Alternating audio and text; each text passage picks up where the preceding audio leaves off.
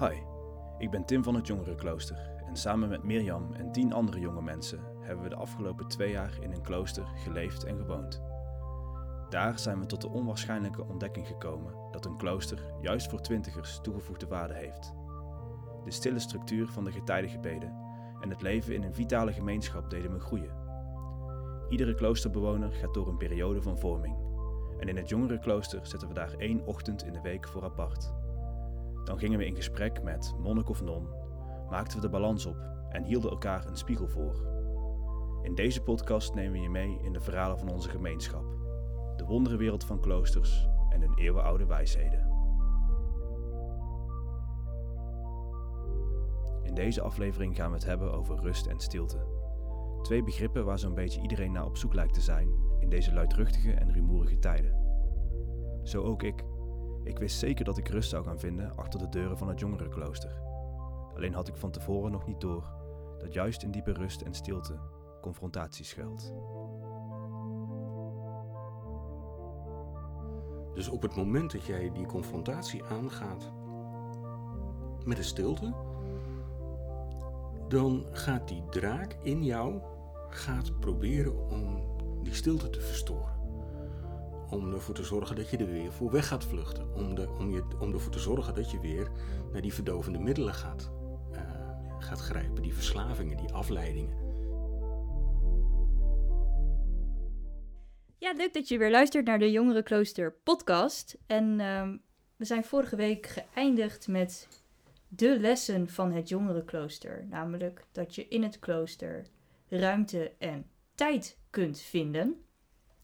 Maar waar wij natuurlijk allemaal voor naar het klooster gaan, dat is toch wel om rust te vinden. En daar gaan we het in de komende drie kwartier eh, over hebben. Want hoe vind je dan rust? En is rust ook echt het idyllische ideetje dat we daar misschien van hebben? Van, oh, als ik rust heb, nou, dan komt er echt een weldadige vrede over me heen. En dan hoor ik de bazuintjes blazen. Uh, dat is rust, nou, die is zo, zo makkelijk te vinden. Tim, is rust in een klooster makkelijk te vinden? Uh, ja, nee. ja en nee. Als je op retraite gaat naar een klooster, dan is rust heel goed te vinden. Of op een jongerenweekend, of je komt een keer logeren. Uh, als je woont is het, uh, is het vaak moeilijker. In ieder geval in mijn ervaring, omdat, nou, daar gaan we, een, ik wijs even een stukje vooruit in het interview met zuster Nadia Kroon. Leggen wij onze ervaringen in het klooster na, naast elkaar en dan komen we allebei tot een soort van conclusie dat, dat we eigenlijk de rust op een gegeven moment moe, moeilijk kunnen vinden. En dat is een beetje raar, omdat, nou, dit is een hele ik zal even voor, voor de eerste keer en waarschijnlijk de laatste keer in deze podcast even marketingtermen ingooien. Maar de propositie van het klooster is rust. En met propositie bedoel je eigenlijk uh, wat, belooft, wat belooft je dienst of product eigenlijk. Uh, niet dat het klooster een, een, een product is of een, of een dienst, maar um, je gaat daarheen met een bepaald idee. Je gaat, met dat verlangen. Je gaat met verlangen naar een klooster van, oh, ik wil echt rust. En als je aan een klooster denkt, denk je van, nou, wat daar ook is, er is in ieder geval stilte en in ieder geval rust. Dan kan ik in ieder geval mijn, mijn, mijn hoofd tot bedaren brengen. Daar ben ik, word ik niet aangetast door de, door de chaos en de, en de veeleisendheid van de wereld. Ja, broeder Jelmer, een van onze eerste jongere kloosterlingen, die, uh, die uh, zijn belangrijkste reden om het klooster in te gaan was dat hij zijn scriptie nog moest schrijven. Oh ja. En Groningen, waar hij studeerde, was veel te leuk en veel te onrustig. Uh, en hij zocht in het klooster de rust om aan die scriptie te werken. Dus, dus wij, zo concreet is het gewoon. Je, je zoekt in een klooster rust. En wat jij zegt is, is, is de les van alle kloosterlingen. Ik heb uh, van een Benedictijner abt uit Engeland geleerd. Die, die schrijft ergens dat rust is voor de, voor de gast, voor de bezoeker of voor de beginneling. Ja. Ja. Nou, ik weet nog wel, toen ik in het klooster ging wonen, toen dacht ik ook alleen maar... Het was ook een soort... Voor mij was het ook een soort vlucht, hè. Van, uh, oh, drukke wereld. Ik wil niet meer... Nou, dan ga ik wel naar klooster. En daar vind ik dan uh, in drie maanden rust. En dan hou ik die rust ook vast als ik weer wegga. Zeker. Nou, dat was even niet waar. Ja, nee, omdat ik denk... waar we het vorige podcastaflevering ook al even over hadden. Als je eenmaal stilte vindt, of stilte, ja, de stilte in een klooster ingaat en je maakt je hoofd leeg. Je hoofd blijft niet leeg, je hoofd gaat spoken, denk ik. Ik heb heel veel spoken in mijn hoofd gehad in die stilte. Ja, je moet een soort van vechten met, je innerlijke draken, noem ik het wel eens. Als je die rust niet vindt, of niet zoekt, dan kun je nog een soort van die draken overschreeuwen. Maar zodra je rust gaat zoeken en daar ook echt bewust de ruimte en de tijd voor neemt, dan gaan die draken herrie maken. Ja, ik denk dat een klooster ook wel een goed recept is om echt helemaal gek te worden. Als je dat niet, uh, niet goed aanpakt. Ja, zeker. Ik, ik, denk dat die angst voor onze draken ook, ook, uh, ook wel een deel van de onrust in de. of, of de, bepaalt hoe de wereld eruit ziet. Um, uh, Marx heeft wel eens gezegd dat religie opium voor het volk is, dus het verdovende middel voor, voor, het, voor het volk. Maar ik denk dat de moderne economie, de, de, de, de mediacultuur, het is allemaal verdovend. Het is allemaal afleiding. Het is allemaal, je hoeft nooit in te keren in jezelf. Je hoeft jezelf nooit af te vragen. Um, nou, je hoeft jezelf nooit echt de echte vragen te stellen. Je kunt altijd wel weer vluchten naar uh, uh, het volgende wat je kunt binge-watchen. Of, uh, of het volgende wat je kunt, waar je heen kunt. Het, het, ding van je bucketlist wat je kan afvinken. En het leidt je, dus de, de hoeveelheid afleiding is enorm. Um, en zodra je dus de tijd neemt, of de tijd krijgt en de ruimte krijgt in het klooster, dan gebeurt er ook echt iets met je. En dat, ik denk dat je dat gevecht daarmee, met die draken, of die confrontatie daarmee, als je die aangaat en doorgaat, dat je dan iets leert, pas, wat je, uh, wat je je leven lang gewoon uh, niet meer vergeet en wat, wat zijn waarde houdt. Ik denk dat je ook, uh, wat ik ook wel merk in onze samenleving, is dat je, je hebt voor alles een oplossing. Hè? Alles wat je bij jezelf detecteert als, oh, nou daar ben ik niet zo goed in, dan heeft de wereld echt wel weer duizenden middelen om ja, die dingen waar je niet zo blij mee bent, om die soort van te verbloemen. Of te fixen zelfs. Ja, te fixen. Ja, ook dat. Maar dat zijn uiteindelijk natuurlijk ook voor een groot deel allemaal maskers. En als je een radicale keuze maakt om in een klooster te gaan wonen en je hebt die maskers niet meer tot je beschikking, ik denk dat je dan uiteindelijk, ja, je moet dan even in de spiegel kijken en dat is dan even doorbijten. Van, oh ja, je moet al die dingen waar je niet zo blij mee was, moet je onder ogen zien. En misschien ook wel accepteren dat ze er gewoon zijn. En je kan ze niet meer uh, wegstoppen. Je kan ze niet meer. Um, ja, je, het kan wel. Maar ja, het klooster is zo radicaal. Op een gegeven moment lukt je dat niet meer. Hoe groot uh, weerzin ik ook heb van het werk van Marx. En weet ik nog dat je um, de eerste keer dat je dit zei, zeg maar, opium voor het volk. Toen moest ik denken aan hoezeer ik gewend ben om verhalen of media tot me te nemen. En niet, niet stil te staan bij wat ik echt belangrijk vond. Dus vorige podcast heb ik gezegd van dat ik heel druk bezig was. Maar alle dingen, alle momenten waarop ik niet druk bezig was, zorgde ik ook dat die gevuld waren. En ik heb er nooit bij stilgestaan dat het eigenlijk niet goed was.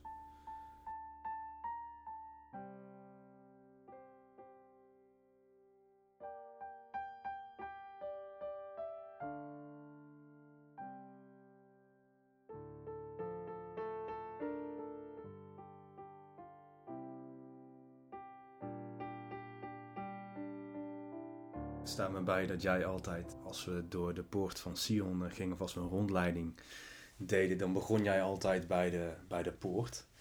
En voor de poort staat een, uh, staat een groot beeld van, uh, van Michael en de draken. En daar vertelde jij altijd een verhaal bij. Dus je komt aanlopen door de oprijlaan. En dan heb je een poortgebouw. Een soort voorpoort. Ja. Voor het eigenlijke klooster nog. Ja, met een gigantische oude deur. En boven die deur staat een, een wit standbeeld van... Van de aartsengel Michael. Ja. Met de draak. Dat is een scène uit de openbaring waarin Michael de draak verslaat. En het is heel, een heel plastisch beeld. Ik, ik, ik, als ik het zie, dan denk ik altijd van... Oh, wat is, het, wat is dat eng goed gedaan. Dus het, die Michael die staat daar met die, met die speer... En die draak die ligt onder zijn voeten op de grond. En, en het is net het moment vlak voordat die speer. Die staat al op zijn gehemelte van die draak. En het is net voor het, voor het moment dat hij met zo'n vochtige krak, zeg maar, dat ijzer door zijn gehemelte zo zijn hersenpan in, weet je wel. Ehm, en, en Netjes. wa- waarom, sta, ja, Goed visueel, ja. ja. Maar waarom staat dat beeld daar? Ik denk dat het een waarschuwing is aan eh, de, de aspirant monnik die daar, die daar aan de poort klopt en die denkt: eh, achter deze poort, achter deze dikke deur, ga ik het paradijs vinden. Achter deze deur vind ik rust. Die draak is wel verslagen, zegt dat beeld, maar hij is niet dood. Dat moment is nog net, hij kan geen kant meer op, maar hij is nog niet dood. En je zal merken dat zo gauw jij de stilte zoekt, dus wat, wat jij net zei Henk, dan wordt die draak wakker in jou en die gaat, die gaat doen alsof hij springlevend is en alsof, alsof hij het voor het zeggen heeft. Dus op het moment dat jij die confrontatie aangaat met de stilte, dan gaat die draak in jou gaat proberen om die stilte te verstoren om ervoor te zorgen dat je er weer voor weg gaat vluchten. Om, de, om, je, om ervoor te zorgen dat je weer naar die verdovende middelen gaat, eh, Ja. gaat grijpen. Die verslavingen, die afleidingen. Ehm, en en het is mijn ervaring ook dat op het moment dat je in zo'n klooster zit en in die gebedstijden zit. ehm, het is ontzettend confronterend. En eh, dus, dus alles eh, wat er in je zit, komt naar boven. Het mooiste en het lelijkste. En je kunt je voor niemand verstoppen, want je leeft heel intensief samen met elkaar. Ook dat nog, ja. En dan is de grap dat je je ook voor niemand hoeft te verstoppen. In de stilte niet, want je zit onder het aangezicht van God, om dat maar eens even klassiek te zeggen. En voor God heeft het toch geen zin om over jezelf te liegen. En voor de anderen ook niet. Want je ontdekt gaandeweg dat je bij die anderen eigenlijk best wel veilig bent. Ja, en dat die anderen ook nog eens door hetzelfde proces heen gaan.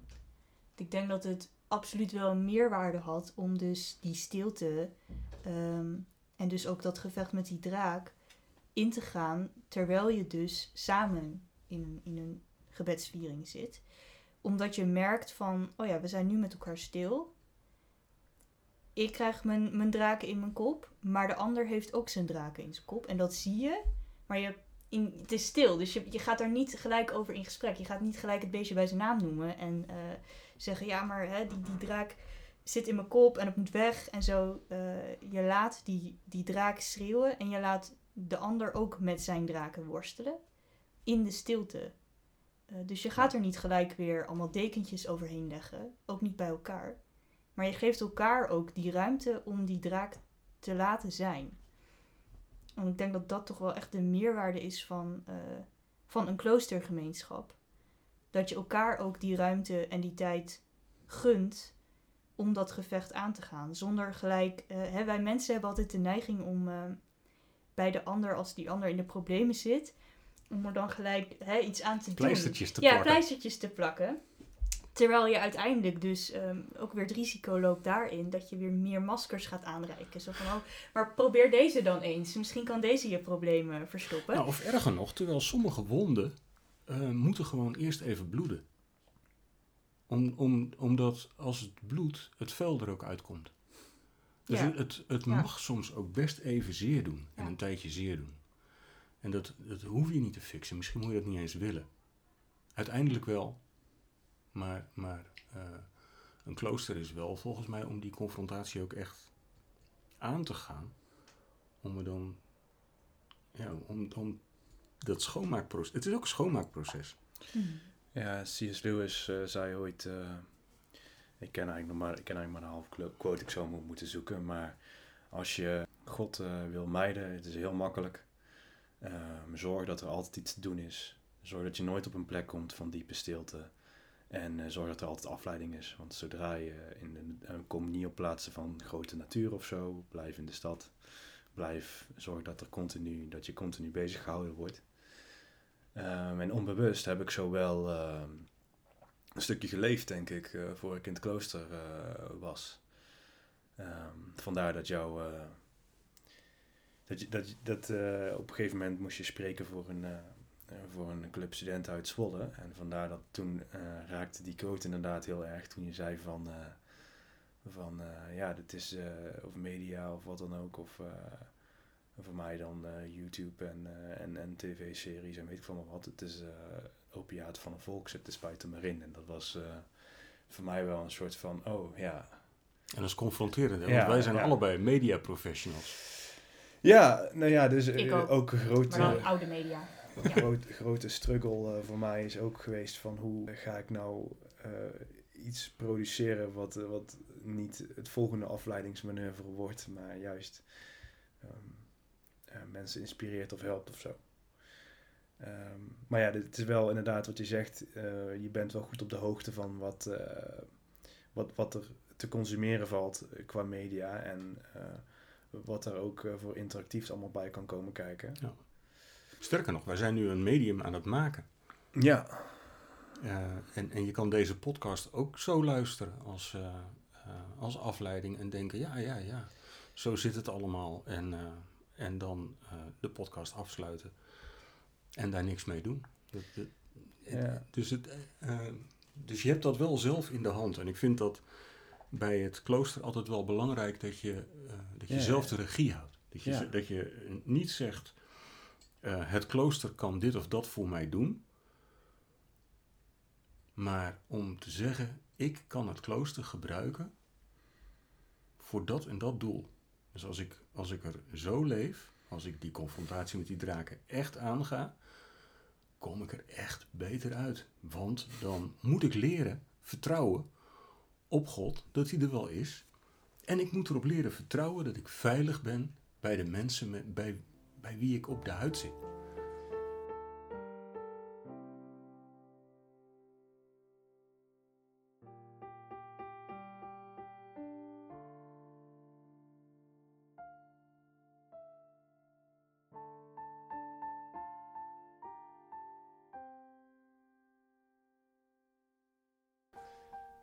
Moet heel erg denken aan bijvoorbeeld het verschil tussen mijn eh, oorspronkelijke motivatiebrief om, eh, om het jongerenklooster te komen en mijn tweede motivatiebrief. Dat moet Dus je even dan- uitleggen. Ja, dus als je in het jongerenklooster wil komen wonen, dan eh, wordt er gevraagd van oké, waarom wil je in het jongerenklooster wonen? En we zullen daar in een andere podcast nog een keer op terugkomen. Uh, maar ja, basically wat jij net zei van waar ga je het uh, jongerenklooster voor gebruiken? In mijn eerste brief had ik van ja, om mijn eigen bedrijf op te starten, om rust te vinden en, en wijsheid om het muziekteam, wat ik, waar ik leiding aan gaf in Valkenswaard, te leiden van mijn oude kerkgemeente. Om een roman te schrijven. Uh, om de Nobelprijs voor de literatuur te winnen. ja, ja, om, ja. Om, onder andere om mijn eigen bedrijf op te bouwen, om wat had ik allemaal nog meer. Nou, om een beetje op schema te blijven in de wereld, zo maar. ja, precies. Dus uh, nou ja, ik had een heel scala aan, aan dingen die ik wilde doen. En mijn tweede brief was uh, van, uh, ik heb dit gedetecteerd en ik moet hier iets mee. Ik heb problemen, ik loop tegen problemen aan in mijn dagelijks leven. Er komt in de stilte iets boven dwarrelen. En, en om daaraan te gaan werken wil ik het komende jaar het klooster gebruiken. Dus in plaats van een, van een to-do-lijst met ongeveer vijf dingen die me in mijn wildste fantasieën onder andere naar de Nobelprijs voor de literatuur uh, zouden leiden en een, uh, en, en een fortuin zouden vergaren met mijn eigen bedrijf en, uh, en nog, nog drie of vier andere dingen. Maar wanneer deze brief schreef je, in, nadat je dus al een jaar had doorgebracht in het jongerenklooster, die tweede brief. Dus dat heeft je blijkbaar ja. best wel lang gekost um, om erachter te komen van, oh ja, ik, ik heb die heb ruimte en tijd nodig. Ik wil van dat, uit dat doen ja. uh, naar die rust komen. Maar dat is dus niet een kwestie van wat dus ik dacht. Oh, drie maanden en dat leer ik dan of zo. Ja, het is een heel, voor mij is het een heel geleidelijk proces uh, geweest. Dus ik dacht ook van uh, nou, de legendarische woorden van, uh, van Ben Lamoureux, die eigenlijk de doorslag hebben gegeven waardoor ik toch in het jongerenklooster ben gaan wonen. Ik zei tegen Ben van ja, maar ik vind het, ik was er na het hele concept van dit is echt het zus idee ooit kwam ik erachter van nee, dit is eigenlijk wel heel tof. Maar ja, jullie moeten vier keer per dag bidden en uh, ik, ik wil het wel graag doen, maar ik heb ook nog uh, een taak in, in de gemeente in Valkswaard. Ik voel, daar, ik voel me daar geroepen, ik voel daar een roeping om, om iets te doen in... ehm, eh, God heeft iets op mijn hart gelegd om in hele evangelische termen te blijven spreken. En eh, ik wil, moet dat gaan uitvoeren. En dan moet ik eh, reizen naar Valkenswaard twee keer in de week. En eh, nou, daar ben ik natuurlijk bereid voor. Want ja, ik ben wel gek genoeg daarvoor. Alleen, ja, dan kan ik er weer niet zijn. En dan moet ik minimaal twee dagen. En toen zei Ben tegen mij van, weet je Tim... toen Jezus hier op aarde was... ehm, toen trok hij zich continu terug op een berg, op hoge plekken. Om even met God te praten. En Nieuw Sion en het jongerenklooster kunnen jouw berg zijn. En dat is voor mij de doorslaggevende zin geweest om, eh, om daar te gaan wonen. Dacht van, ja precies, want ik word inderdaad helemaal gek van al die dingen die ik moet doen. Onder andere van de, voor de gemeente en van mezelf. Dus ik heb die rust echt wel nodig.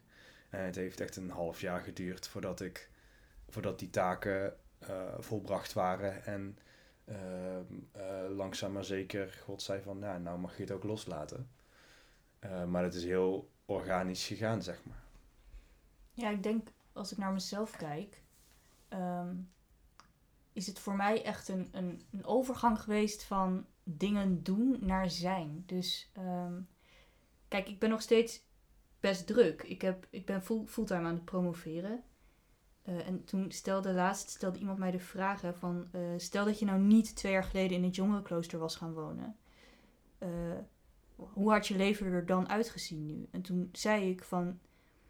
Ik denk dat ik nog steeds was gaan promoveren, maar dan dus om een andere reden. Eh, ik denk dat ik, als ik niet in het jongerenklooster was gaan wonen, dan was ik nu gaan promoveren, omdat ik dacht, ja, maar dat, eh, hè, dat, dat moet.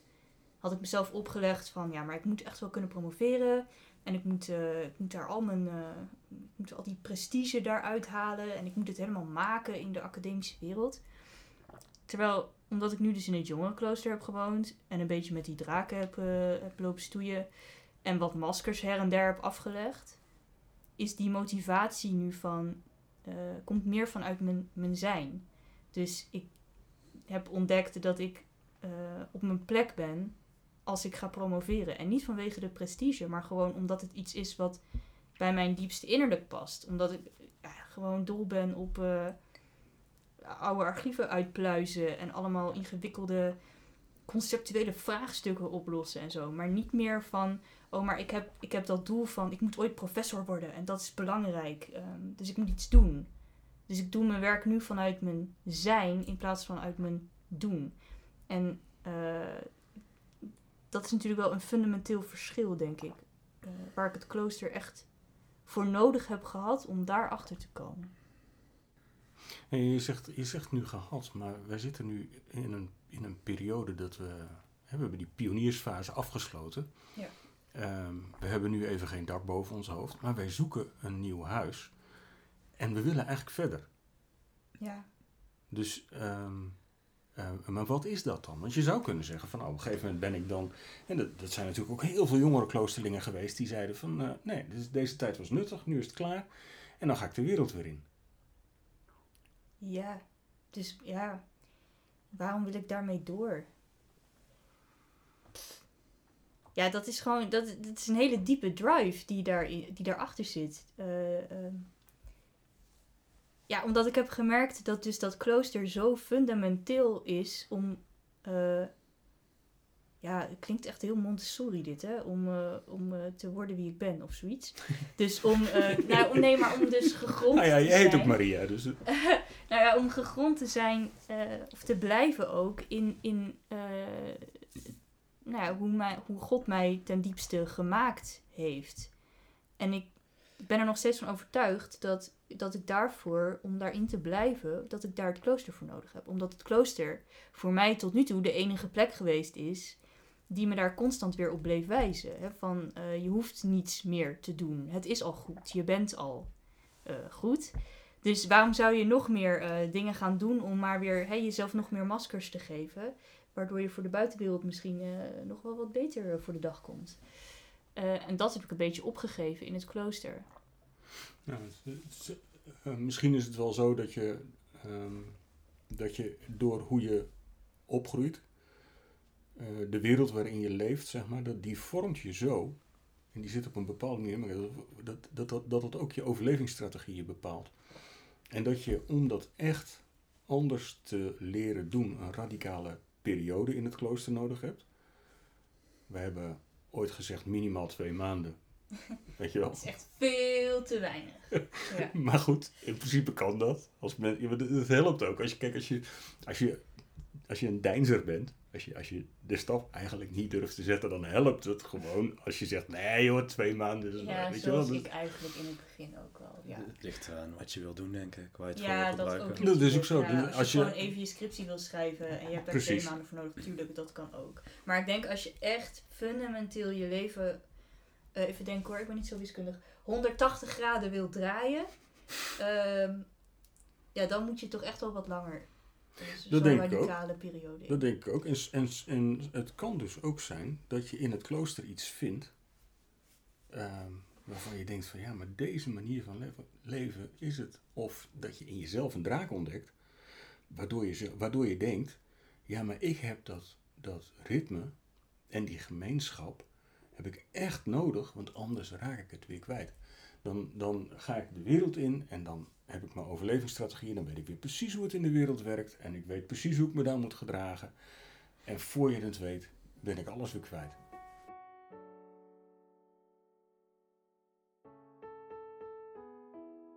Ik merkte gewoon al vanaf het begin, en dat is eigenlijk nooit veranderd, dat ik eh, door die, zeven, door die eh, vier momenten van stilte, die zeven minuten stilte, die bijbeltekst en zeven minuten stilte, dat ik daardoor eh, echt bij God eh, kon komen en mezelf kon afstemmen op God in plaats van de door mezelf of door anderen opgelegde dingen die nou nog moesten gebeuren. En daar bedoel ik dan ook mee van, eh, misschien herken je dat wel als je uit een protestantse achtergrond komt, maar eh, ik kom uit een hele kleine gemeenschap en daar moesten we, of daar deed ik gewoon heel erg veel. Dus ja, je moet zorgen dat de muziek goed is, je moet zorgen dat de liturgie goed is, je moet aan evangelisatie doen. Maar als ik daar nu op terugkijk, kijk, kwam in die tijd mijn eigen relatie met God echt wel helemaal achteraan.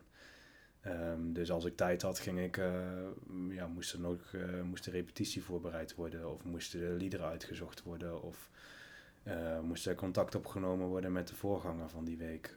En ja, dan moest ook nog een soort van evangelisatieactie in de wijk opgezet worden. En daar ging dan mijn energie in. Terwijl ik door die vier momenten op een dag dat je echt wordt stilgezet, word ik echt bepaald bij, oké, soms moet je daar maar gaan zitten, maar ja, hier ben ik. Dus eh, nou ja, wat wil God eigenlijk vandaag? Ja. in plaats van... eh, Wat moet dit- ik eigenlijk dit, vandaag? Dit, dit, dit moet nog allemaal gebeuren, zeg maar. Want uit een of ander mysterieus verleden doen we dat nou eenmaal zo. En nou ja, dat werkt altijd goed of zo. Dus nou ja. Of ook niet, maar we Ja. wisten niks beters. Dus we doen het maar. Ja, precies. Ja, dat is voor mij wel eh, een van de, van de grote dingen geweest aan de getijdengebeden. Dat ik daar rust krijg en ook meteen dat ik daardoor een beetje loslaat waar ik me zo over bezig aan het houden ben. Wat mijn fascinatie heeft of wa- wat mijn werk is. Waar ik dan helemaal in ga stoppen. Of nou, ik vind werk echt, eh, werk wat ik tof vind, zoals schrijven of, of iets maken, dan, eh, daar ga ik helemaal in zitten. En dan is het goed om daar even uit te komen en te kijken van oké, eh, wat wil God nou? En dan juist krijg ik in die, als ik daaruit kom door de liturgie en door de stilte, dan krijg ik vaak juist weer creatieve input voor het werk eh, waar ik mee bezig ben. Voor mijn hopelijk creatieve voortgang van mijn leven is het eh, ontzettend van toegevoegde waarde. En op het moment dat ik het niet ga doen, ik merk op het moment dat ik minder getijdig gebeden bid, nu ook in onze periode zoekende naar een huis, dat ik daardoor ook minder productief ben in de dingen waar ik pro- productief in wil zijn. Dus eh, Ja, het, het, het, eh, het ordent je creativiteit en het stimuleert je creativiteit daardoor. Eh, Ja. ik, ik, ik snap dat vanuit, heel gek, ik redeneer heel vaak alles terug naar het eerste verhaal wat er in de Bijbel staat. Dus gewoon hoe het geschapen is en hoe het bedoeld is. Maar daar lees ik gewoon dat de schepping niet af is op het moment dat al het werk gedaan is. De schepping is af als God op de zevende dag op oneerbiedig, nou nee, laat ik het ook niet oneerbiedig zeggen, op zijn lauweren gaat rusten en gaat genieten van wat hij gemaakt heeft. Dus wij, wij hebben heel vaak het idee dat iets af is als je op de verzendknop hebt gedrukt, als je je, als je, je opdracht hebt ingeleverd bij je docent of bij je baas, Hm. dan is het klaar. Maar dat is niet. Dat, dat, dat, een opdracht is klaar als je het werk van je handen bekijkt en denkt: tof. Dat is ook het woord wat er in, in Genesis staat. Het, eh, het was tof. Goed. Goed. Het Zeer goed. Goed.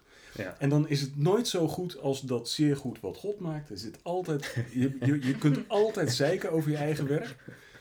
Ja. Maar alleen al het feit dat je het af hebt, is tof. En eh, geniet daar nou even van. Sta daar nou even bij stil. En je ziet de hele tijd in de Bijbel dat dat begrip rust, dat is aan de ene kant iets waar mensen naar snakken. En aan de andere kant iets waarvan ze beseffen, gaat ons nooit lukken. En waarvan God dan zegt, dat gaat je niet lukken, om de manier waarop je het doet. Doe jezelf. Dus, eh, dus op het moment dat ik een jubeljaar afkondig, op het moment dat ik een, een, een zevende jaar als een sabbatsjaar geef, waarop je kunt rusten, waarop je het land ook rust moet geven, en je doet dat niet, want er zijn aanwijzingen dat Israël dat in het echt gewoon echt never nooit gedaan heeft, Ja. dan vind je die rust dus ook niet meer. ja, God weeft het in de... Dan gaan we super theologische nerderig doen. Excuses daarvoor. Maar je we- God weeft het in het ontwerp van hoe hij dingen maakt. Dus dat is, eh, dat is het idee van, van, van het scheppingsverhaal in Genesis. Dus hij maakt het in een serie van zeven. En hij zegt van, nou ja, omdat het voor God de zevende dag een rustdag is... eh, moet jij ook die rust houden. Moet jij ook die rust bewaren. Ehm, En, en de kloostergemeenschap is, is gewoon een gemeenschap waarin mensen weten waar je mee bezig bent. Dus ze weten waar je heel hard aan werkt. Maar dat betekent ook dat ze je gaan vragen eh, of het af is. ja, En dat ze je feestjes met je gaan vieren als het af is. Als je eh, als je, je, je diploma haalt, of als je een baan vindt, of, of als je een keuze maakt waar je heel erg tegen aangehangen hebt, of weet ik veel wat, dan, eh, dan bakken we een taart en dan, eh, dan vieren we dat. Ja. Ja, het is ook heel erg. ehm, je begon met tijd en ruimte. En ehm, op een gegeven moment maakt Israël een soort van tabernakel. En later hebben ze een, een tempel. Ehm, en eh, eh, ja, dat is eigenlijk een soort van. mm, kan je zien als een soort van mini-kosmos waar God zeg maar aanwezig is. Dus God in de schepping. Dat is een soort van model van hoe het bedoeld is in de Hof van Eden.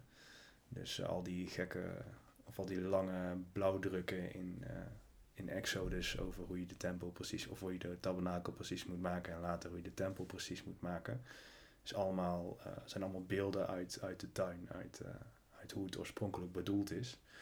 En ehm, Israël zondert daarmee een bijzonder plekje af, eh, zeg maar een paar vierkante meter waar, ze, waar God echt aanwezig is, bij in het midden. Ehm, en ehm, nou, bepaalde werk van een rabbi, wat ik niet voldoende heb eh, onderzocht, die claimt dus dat de Sabbat of de rust eh, in tijd is wat de tabernakel en de tempel in plek zijn.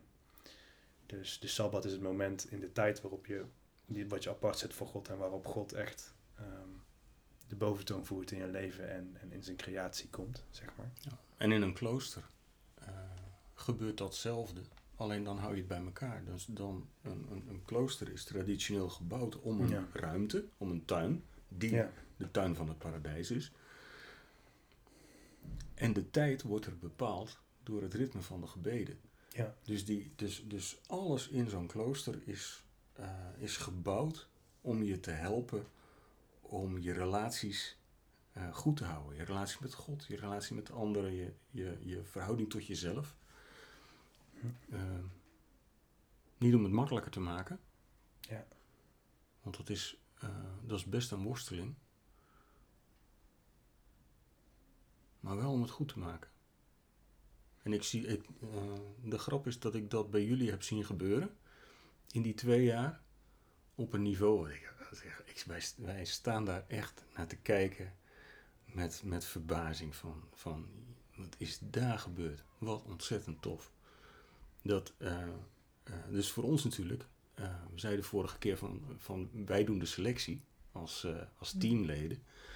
Dus wij zetten mensen bij elkaar. Maar op grond waarvan eigenlijk?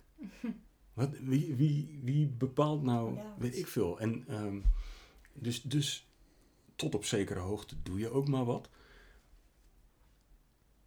En dan zitten jullie bij elkaar op die plek waar alle voorwaarden natuurlijk klaar liggen. Om het, om het goed eh, te hebben met elkaar. Maar waar ook voorwaarden klaar liggen om het heel slecht te hebben met elkaar. Want als je die gezamenlijke focus op, op God eh, verliest. Weet je nog wat, eh, wat Thomas Kwartier, die, de Benedictijner monnik die bij, die bij ons op bezoek kwam, eh, wat die zei? Van als, als je, als je die, die dimensie naar boven niet openhoudt, dan kan het klooster ook een gevangenis. eh, hij komt uit Duitsland, lieve mensen. Dus hij praat altijd met een. hij praat verrekte goed Nederlands, maar zeker als hij in het vuur van zijn verhaal zit, komt er altijd iets Prins Bernhard-achtigs eh, eh, eh, voorbij. Maar dan zegt hij: Catharinus, als, als je de dimensie naar boven verliest, dan kan het klooster ook een gevangenis zijn hoor. En dat is echt waar. Je kan je, dan, dan kan het. Je sluit je op een bepaalde manier ook op, maar het voelt niet zo, omdat die ruimte altijd open is. Ja.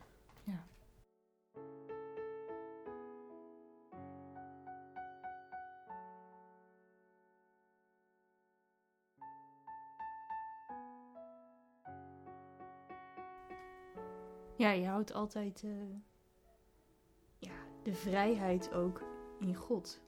Eh, ook met elkaar, denk ik. Ehm, want ik denk als je dat dus niet hebt, dan kan je dus ook heel makkelijk vervallen in ehm, ja, het, oordelen naar de ander en oordelen naar jezelf. Want op het moment dat je dus God niet ziet als de basis, eh, de basis ook voor, voor al het leven, ehm, of de basis voor je, je broeders en zusters om je heen, ja, dan wordt het de gevangenis. Want dan eh, krijg je een beetje. ehm, weet je wel, wat, wat Sartre ook omschrijft, eh, om er ook even af en toe een filosoof erin te gooien. eh, hè, de, de, de hel, dat zijn de anderen. Ja. en als je dus niet die dimensie naar boven openhoudt, ja, dan, dan ga je oordelen naar elkaar, denk ik. En dan wordt het klooster echt een hel met anderen. Ja. Maar je moet het ook samen doen, denk ik. Je moet ook samen zorgen dat je dus die, die dimensie naar boven openhoudt. Ehm, ik merk wel, in mijn eentje is dat echt verrekte lastig. Om, eh, om zelf ook die discipline op te brengen. Om je lijntje naar boven open te houden. Terwijl in het klooster dan sleep je elkaar toch maar weer naar dat getijdengebed. En dan waren er ook echt wel periodes waarin we allemaal dachten... Oh, de klok gaat. Oh, we moeten weer... Zitten we weer op dat knielbankje in die steenkoude kerk. Eh, dikke doei. Maar als er dan één iemand was die zei... Ja, maar we gaan toch? Want daarvoor zitten we hier om die dimensie naar boven gezond te houden. Ja, dan gingen we toch weer allemaal. En dan was het ook een kwestie van dat iemand dan zei: Jongens, hè, we laten dat getijdengebed nu versloffen. Moeten we niet meer doen. Was het even samen schouders eronder en dan eh, zaten we er weer in. Ja. Maar je moet het wel samen doen. Zodra de klokken gaan, eh, laat je vallen wat je in je handen hebt en ga je naar het getijdengebed. Ja, En ehm, ja, die kan natuurlijk, eh, heb je periodes dat je denkt van, eh, ja, houdoe, vandaag niet. Ehm, maar uiteindelijk laat je dan toch wel weer, ehm, eh, ga je dan toch maar weer voor je broeders en je zusters om er toch mee te zitten. En ja, nou ja, goed. Hè? Dus dan hebben we ook weer die continuering en dat is toch fijn. En dan ga je daar een beetje op je knielbankje zitten met een soort van zucht van, ja, nou, oké. En eh, nou ja, dan... eh, in mijn ervaring vindt God het dan heel leuk om dan precies een tekst neer te zetten die overal doorheen snijdt. En dan dat je denkt van, oké, oké. daarvoor zat ik hier. Ja. Oké. Ja. ja. En in de kloosterregel van Thésée staat dan, dan schrijft Frère Roger, die schrijft dan eh, heel wijs, eh, als jouw hart, als jouw ziel er even niet naar staat of geen ruimte heeft om, eh, om God te ontmoeten in zo'n eh, in zo'n viering, bied dan je lichaam aan. Weet je wel, ga gewoon zitten en buig en zing of lees of leid die viering. Want jouw medebroeder, jouw medezuster, eh, zit in een andere fase misschien. En die heeft jou dan nodig, jouw lichaam. Dat je er bent. dat je er bent. Ja. En dat je, Ja. dat je daar samen bent. En de grap is wat jij nou zegt. Van eh, eh, heel vaak zal je dan op het moment dat je je lichaam aanbiedt. eh, merken dat eh, God dan in één keer je geest binnenkomt. En dat jij er juist verrijkt vandaan gaat. Terwijl je helemaal geen zin had. Ja. Ja, en inderdaad ook wel dat je dus ook gaat om, eh, al is het maar om respect te tonen aan het proces waar de ander in zit. Eh, want ja, als die ander die stilte wel heel hard nodig heeft en nog lekker aan het vechten is met zijn draak. En jij denkt, ja, die doe ik, ga wel Netflixen en ik blijf op de bank zitten. Ja, dan help je die ander natuurlijk niet. Dan toon je geen respect aan, aan de worsteling waar de ander in zit.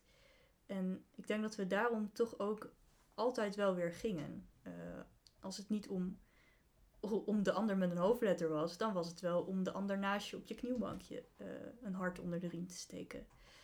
Eh, of om te bidden voor, eh, voor de wereld, want dat deden we natuurlijk ook. voorbedes doen voor, voor de wereld.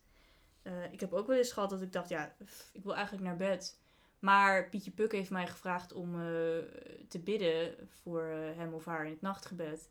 Nou, vooruit, dan ga ik daar wel voor. Ehm, en dat waren dan inderdaad de momenten dat ik er zat en dacht, ja, potdikkie, het is goed dat ik hier zit.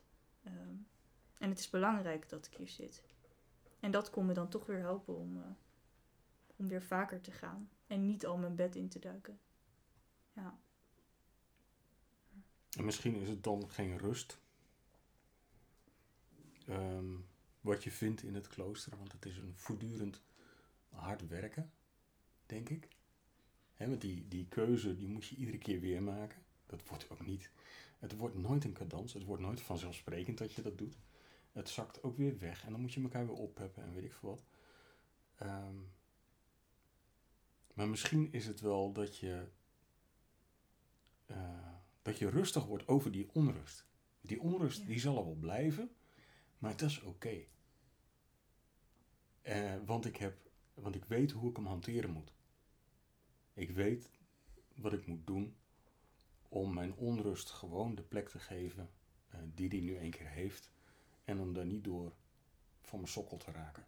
Of daardoor niet van die onrust het zicht op God kwijt te raken. Of door die onrust niet het zicht kwijt te raken op wat mijn broeder of zuster nodig heeft die naast me in de kerk zit.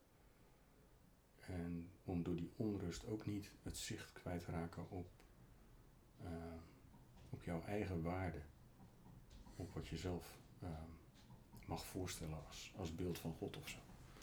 Ja, en dan ga je met dat eh, hoge motief ga, je, ehm, ga je dan maar op je knielbankje zitten in de viering.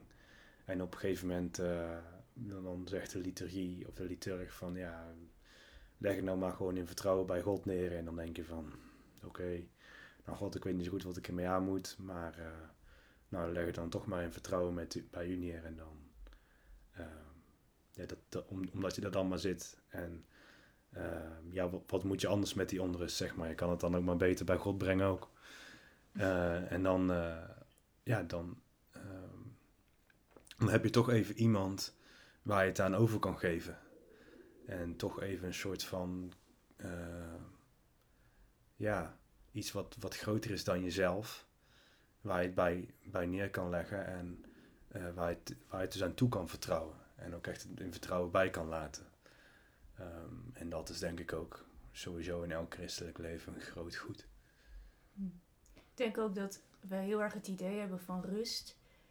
Eh, volgens mij is dat een illusie van, oh, maar dan heb ik alles in de hand. Dan heb ik controle over alles. En als ik dat heb, nou, dan wordt mijn leven wordt één, één rechte streep van rust. Ja, maar dat is geen En dat- rust, dat is dat- bedwongen angst. Nou, dat, ja, maar dat- inderdaad. En ik denk dat dat, eh, als ik dan ook nog iets anders heb geleerd in het klooster, dan is dat het wel. Dat echte rust gaat over het accepteren van, van die ups en die downs. En die, die golfbeweging die er zit in je leven. Van, hè, het ene moment heb je inderdaad vrede met van alles. En het andere moment eh, steekt je weer een draak de kop op. Nou, en dan, maar dat je dan weet van, oké, maar er komt ook weer een punt dat het weer omhoog gaat. En dan komt er weer een punt dat het weer omlaag gaat. Maar wat er ook gebeurt, ik kan het bij God neerleggen. En die Ja. rust bij hem vinden. In het zijn bij hem. En, En- dan kan ik honderden draken hebben, maar dat boeit me dan geen flikker meer. En op het moment dat die draken de kop opsteken en dat zakt weer in, eh, dan is niet alleen God er, maar ook je medebroeder en je medezuster, die wel weet met welke draak je worstelt. Ja. En die gewoon eh, zich naar het nachtgebed sleept voor jou. Om er te zijn voor jou. Om samen die ruimte te maken of zo.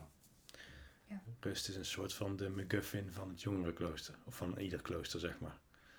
Een soort van de wat? Hallo, dit is Tim vanuit de Edit. En even snel tussendoor. Op dit punt in het gesprek leek spontaan de link tussen wat bezoekers in een klooster denken te komen zoeken en wat in storytelling een MacGuffin wordt genoemd. In ons gesprek ontstaat daardoor een vermakelijke verwarring over wat een MacGuffin nou eigenlijk is. Omdat ik een beetje tekort schiet in mijn uitleg en met mijn mond vol tanden sta, wilde ik dit hier voor jullie even kort ophelderen. In een verhaal is een MacGuffin een object waar karakters zoveel waarde aan hechten dat het hele verhaal om dit object heen gaat draaien. Uiteindelijk maakt het niet veel uit wat een MacGuffin precies is. Het wordt gebruikt als gereedschap door de schrijver om personages uit het verhaal bij elkaar te brengen of om conflict te laten ontstaan tussen de hoofdpersonen. Denk aan de Maltese Falcon, de magische kubussen of wapens uit superheldenfilms, het koffertje uit Pulp Fiction of bijvoorbeeld de steen der wijze uit Harry Potter. In het verhaal komt men er vaak achter dat een MacGuffin leeg is of niet bestaand, dat het niet doet waarvoor men er zo hartstochtelijk naar op zoek was. Kortom, het was alle moeite niet waard. Het is dus ook niet God of een manier om bij God te komen, maar eerder bijvoorbeeld een aspect wat van een afstandje lijkt te horen bij het leven dicht bij God, zoals diepe interne rust.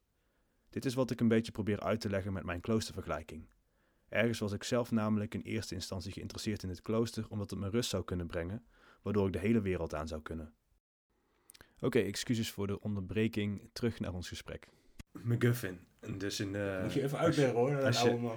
Als je En een een storytelling nerd bent, is eh MacGuffin is een soort van ehm, eh, de Heilige Graal of de Ark of the Covenant of eh, dit is heel erg Indiana Jones, maar bijvoorbeeld of eh, de Tesseract van, Mhm. de, van de Marvel series of zo. Dat is het ding waar iedereen achteraan zit. Dus Ja, de schat. het is de schat of de goudstaaf of de kunstschat of Ja, wij noemen dat gewoon God, maar ik weet niet hoor. Met Guffin ik, heb hem nog nooit met Guffin genoemd, maar dat wil Nee, maar, dus, proberen, maar mijn, mijn punt hier, dus, dat is een soort van archetype van... oké, rust is wat we daar gaan krijgen. En dan ben je achter rust, ben je dan aan het najagen. En dan... Nou, uiteindelijk is gewoon eh, het doel van een Sabbat of een, of een moment van, van, van de rust... is eigenlijk om God op de eerste plaats te zetten. Dus het doel daarvan is dat God in zijn, in zijn creatie gaat wonen. God komt in de, in de Hof van Ede. God komt onder je, daar zet je die... eh, komt onder de mensen, onder je woonplek. in de mensen. God In de mensen. In de mensen wonen. Ja. En daarvoor schep je dus eh, met een soort van kruk die het kloosterleven kan zijn, schep je ruimte. Ehm, en dan in plaats van dat rust dan het doel is, wordt God dan het doel. En dan krijg je die rust, dat- omdat God er is, krijg je er soort van bij of zo.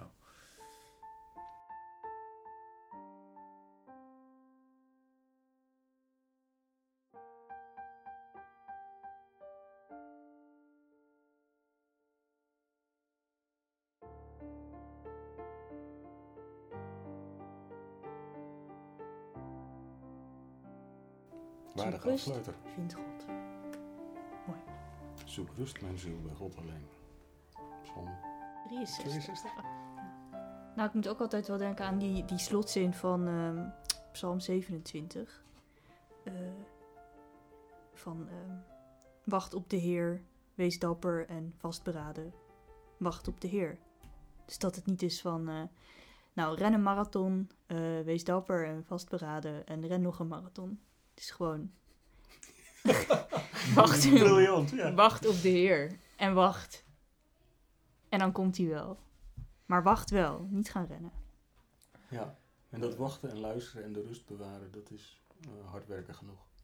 Ja, Zet eh, twee evenementen per jaar op poten en, eh, en wacht op de Heer. En zet nog eh, drie andere evenementen en jongere weekenden eh, op poten. En, eh, Nu vind ik het niet meer leuk. ja. Nee, maar dit is, dit is, ehm, eh, dit is dus mijn kloosterfout geweest. Ik ben in de organisatie gaan zitten en heb mij eigenlijk de kans af laten pakken. Rien heeft het gezegd, hè? Heel in het begin heeft hij tegen me gezegd, wat jij net ook zei. ehm, En zijn. het, het eerste en enige wat je in het klooster moet doen, is er zijn. En ik heb het niet gedaan. Ja. Sukkel. Klootzak. Ja. Maar ach. We hebben ook nog maar twee jaar gehad. Nee, maar dat, dat vind ik dus de grap. Ik, het zou toch tof zijn als we dat eh, nog een beetje verder kunnen verkennen.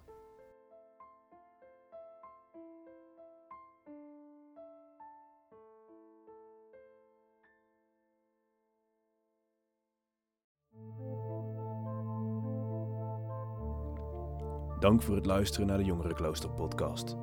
De muziek was van broeder Hein. Volgende week gaan we in gesprek met Nadia Kroon, die als novice in een klooster heeft gewoond en nu, net als wij, op zoek is naar een nieuw monastiek huis. We hebben een bijzonder gesprek waarin we onze kloosterervaringen naast elkaar leggen. We zien jullie graag volgende week.